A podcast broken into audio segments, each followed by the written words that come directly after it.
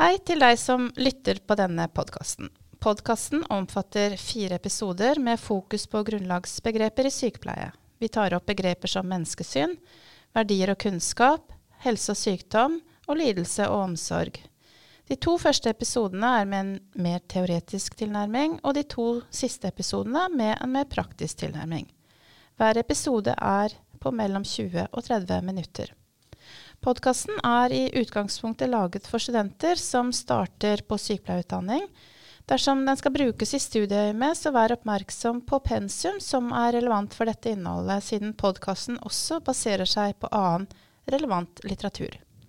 Vi som har laget denne podkasten, er førstelektor Inger Aaser Eiersson og professor emerita Sigrun Valvik. Begge er tilknyttet Institutt for sykepleie og helsevitenskap ved Universitetet i Sørøst-Norge.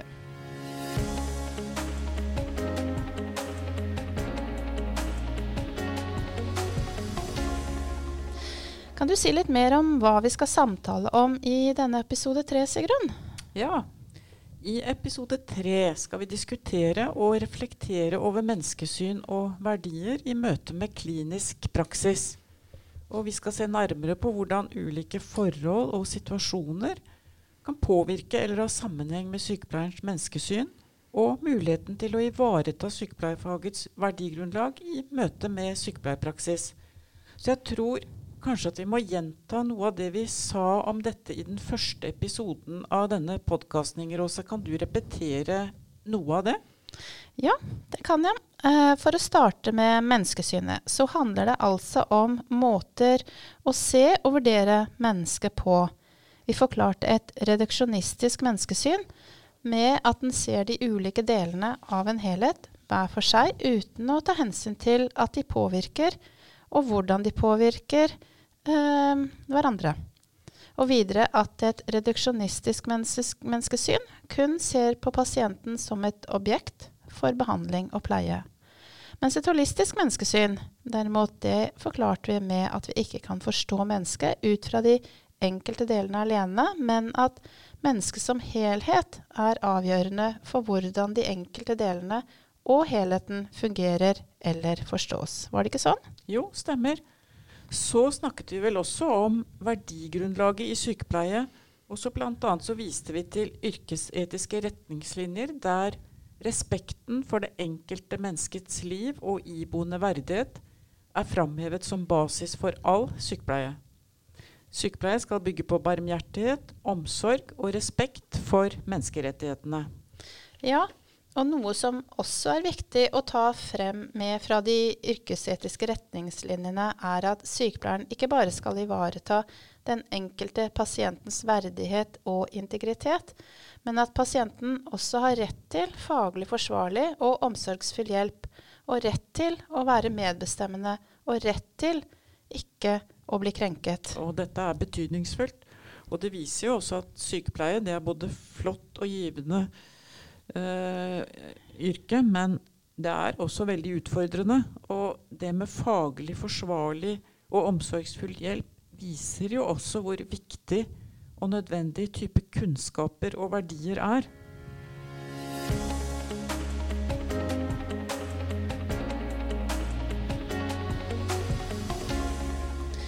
La oss diskutere eh, videre i forhold til menneskesyn og verdier, Sigrun. Er du med? Ja. Jeg kunne egentlig tenke meg å knytte dette til ulike situasjoner i praksis. Ja, sånn som Marit Kirkevold kategoriserer dem i boken 'Vitenskap for praksis'. Jeg synes det er en veldig nyttig og fruktbar måte å tenke i forhold til. Ja, og da syns jeg det er de tre situasjonene akutte situasjoner, problematiske og ikke-problematiske situasjoner som det kunne være hensiktsmessig å fokusere på her. Ja, enig. Eh, og er, dette er jo selvfølgelig en teoretisk kategorisering, og det er, er, ikke så skarpe skiller mellom disse ulike kategoriene i praksis. Her kan de gå mer over i hverandre. Men jeg tenker at det kan være veldig fint å reflektere litt videre over dem i forhold til dette med verdier og type kunnskaper. Og diskutere hvordan omsorgsfull sykepleie da kan forstås i disse ulike situasjonene. Ja, det er spennende.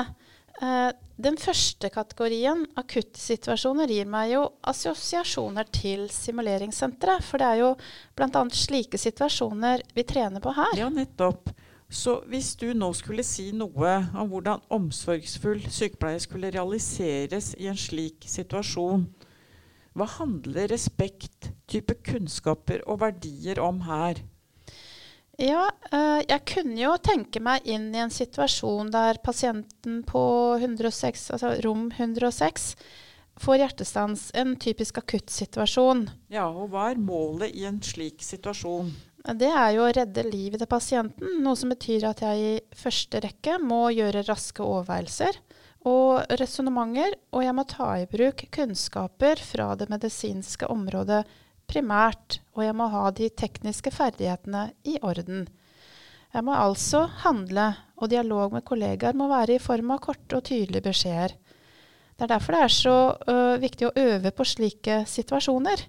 Uh, det er jo best, en av de beste måtene uh, Det er den måten det best mulig kan forberede seg på å takle slike akuttsituasjoner. For de vil alltid virke dramatiske når de skjer.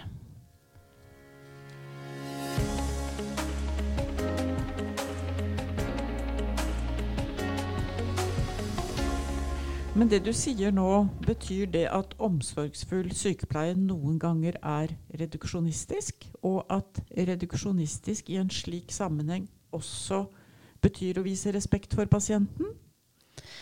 Jeg vil nok heller si at når en har et holistisk menneskesyn, så er dette menneskesynet utgangspunktet for alle handlinger. Men i enkelte situasjoner er det nødvendig å opptre reduksjonistisk. Når det gjelder akkurat denne situasjonen vi snakker om nå, så er det jo viktig å snakke med pasienten om det som har skjedd i etterkant, hvis han overlever. Ja. Men så snakker Kirkevold også om problematiske situasjoner og om ikke-problematiske situasjoner. Hva er det som er forskjellen på disse, og som karakteriserer slike situasjoner i sykepleierpraksis? Det er jo mange situasjoner sykepleiere står i som kan beskrives som problematiske. F.eks. kan det være at pasientens problem eller behov er uklare. Eller det kan være at problemet og behovet er avklart, men at det ikke er opplagt hva som er de beste tiltakene å sette i verk. Eh, problematiske situasjoner kan også være ustabile situasjoner der pasientens tilstand er både usikker og ustabil, eller at den ikke utvikler seg slik den kunne forventet det er ut fra de kunnskaper eller erfaringer en har.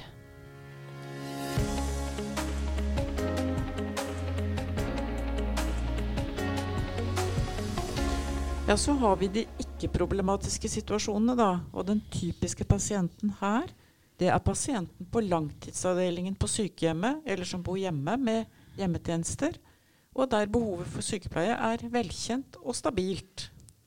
Og da kan vi vel være enige om at omsorgsfull sykepleie i denne situasjonen kanskje har en litt annen målsetning enn i de, den problematiske situasjonen, selv om daglige observasjoner og vurderinger alltid er en del av den omsorgsfulle sykepleien. For situasjonen her kan jo raskt endre seg. Ja, og her vil kanskje dette med mening være særlig viktig? Ja, sykepleiere må ha kunnskap om hva den enkelte pasienten opplever som viktig i livet. Og hvordan helse- eller sykdomssituasjonen han er i, utfordrer eller truer det som er meningsfylt. Så dette må sykepleierne finne ut av sammen med pasienten, om det er mulig. Ja, Da har jeg lyst til å bringe inn begrepet livshistorie, for dette er noe som jeg tenker er særlig viktig for å kunne bidra til en meningsfylt hverdag for de som er avhengig av langvarig og profesjonell omsorg. Ja, si litt mer om dette.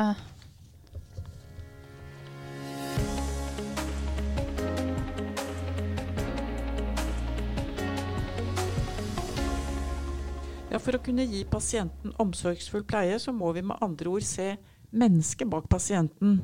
Det, det bør vi jo egentlig alltid gjøre. Men i denne spesielle situasjonen bør vi også ha kjennskap til pasientens livshistorie. For eh, livshistorien vil jo kunne gi oss tilgang til det som er unikt ved hver enkelt person, og gi oss innblikk i hva som har vært viktig og betydningsfullt i tidligere år, Det er en slags bakgrunn for å forstå pasienten, og vi kan også kalle det for personorientert omsorg. Dette har med respekt for personens egenverd å gjøre. Eh, fordi da møter vi personen som en enestående person med egen fortid og med sin egen opplevelse av situasjonen her og nå. Ja, og vi er lydhøre. Uh, og hvis vi er lydhøre og villige til å høre på dette, så er det en måte å vise respekt på, tenker jeg. Det gir oss anledning til å bli mer kjent, og det gir pasienten anledning til å fortelle hvem han er, eller hvem han ønsker å være. Og dette bidrar til tillit, og det kan ha betydelig innvirkning på hva vi gjør, og hvordan vi utfører handlinger for pasienten. Så jeg vil virkelig oppfordre alle som skal bli sykepleiere, til å sette seg inn i dette med livshistorier. Det er forresten en dansk artikkel fra 2021 om bruk av livshistorier i demensomsorgen som jeg vil anbefale dere. Og det er den artikkelen 'Livshistorier som grunnlag for verdighetsgenererende praksis'. Og den er skrevet av to personer som heter Kaufmann og Schjøtt. Eh, så har vi jo boken om, som Fossland og Thorsen har skrevet da, for en del år tilbake, 'Livshistorier i teori og praksis', og den kan også anbefales. Ja, jeg leste forresten en interessant studie fra et sykehjem i Sverige, og denne viste at dersom pleiepersonalet visste mer om pasientens bakgrunn, fokuserte de på pasientene som unike individer med ressurser og muligheter til tross for pasientens begrensninger.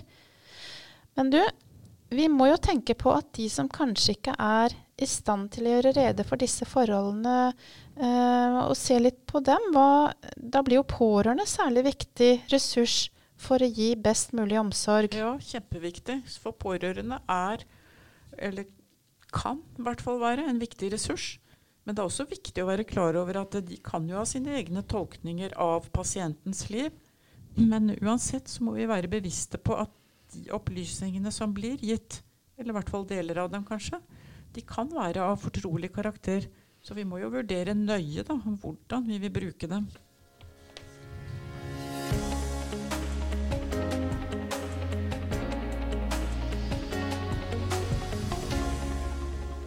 Ja, det er viktig. Og når det er sagt, Eh, har man ansvar for en pasient, så er det ikke bare snakk om å kjenne til pasientens livshistorie. En må selvsagt også kjenne til den medisinske situasjonen, og hvordan denne berører pasientens liv.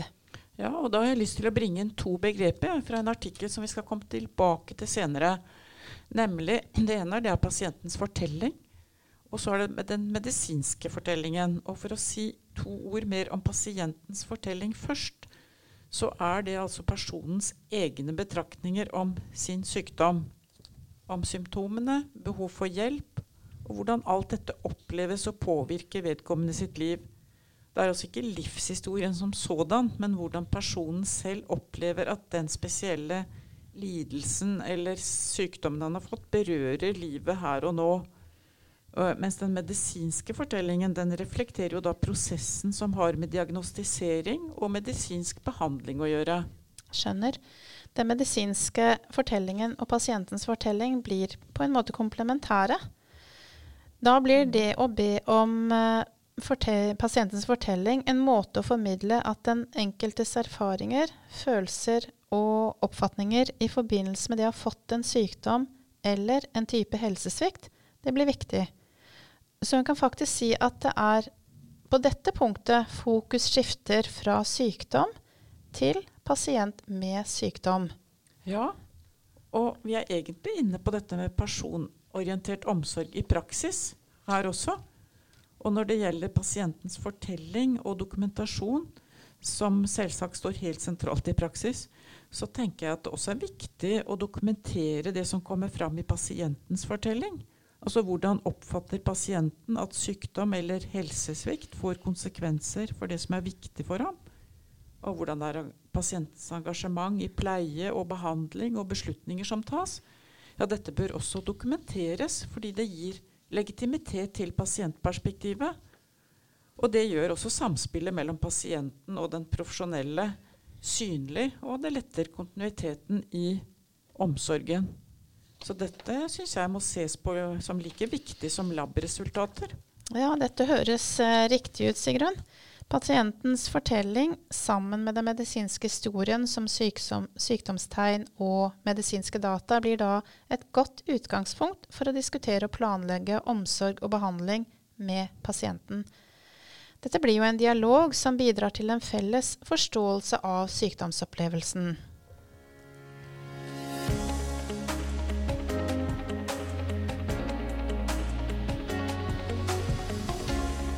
Tenkte bare jeg ville si to ord til ja, om dette med personorientert praksis. For det er nemlig utviklet et rammeverk, og dette rammeverket har faktisk pasientene sammen med forskerne vært med på å utvikle. Og det syns jeg er kjempefint. Ja, det handler jo da om det som foregår mellom pasient og utøver. Og, og dette rammeverket er også interessant. Eh, å studere fordi at uh, ja, Kanskje særlig i forhold til praksis, men det kan også være nyttig som et slags redskap for de som skal skrive opp oppgaver. Og Rammeverket det omfatter ulike forhold som kan bidra til at pasienten blir engasjert og medvirkende i, i, i pleien. Så, og det er kjempeviktig. Og dette rammeverket så kan dere studere i en artikkel av Santana og en rekke forfattere til. da. Uh, og den artikkelen den ble publisert i 2018 i tidsskriftet Health Expectations. Og tittelen er 'How to Practice Person-Centered Care A Conceptual Framework'. Og her vil dere også finne igjen begrepene som vi var inne på i stad. Den medisinske fortellingen og den personlige fortellingen. Dette mener jeg er helt i tråd med det vi har snakket om både når det gjelder menneskesyn og verdier, som omhandler respekt, pasientens verdighet og integritet, retten til faglig forsvarlig og omsorgsfull hjelp, retten til med, være medbestemmende og retten til ikke å bli krenket. Men du, jeg lurer på, fikk vi sagt nok om dette i forhold til problematiske situasjoner? Nei, kanskje ikke vi gjorde det. Altså Problematiske situasjoner de kan jo være av veldig ulik karakter. Og de kan jo foregå på alle mulige arenaer eller type avdelinger og mottak. da så går, går en f.eks. en uproblematisk situasjon over til å bli problematisk hos en sykehjemspasient, så skal eller bør jo pasientens sykdomshistorie og kanskje også livshistorie være kjent. Og da har vi jo større forutsetninger for å gi pleie der en har muligheten til å ta hensyn til både den medisinske og til den mer personlige fortellingen. Mens dersom en pasient blir lagt inn på sykehus med en uavklart situasjon, så vil jo denne måtte vurderes og tolkes, og en må kanskje prioritere tiltak som i første omgang har størst sammenheng med den medisinske fortellingen. Men i denne type situasjon kan disse tiltakene være helt nødvendige for å re realisere omsorgsfull pleie med respekt for pasienten.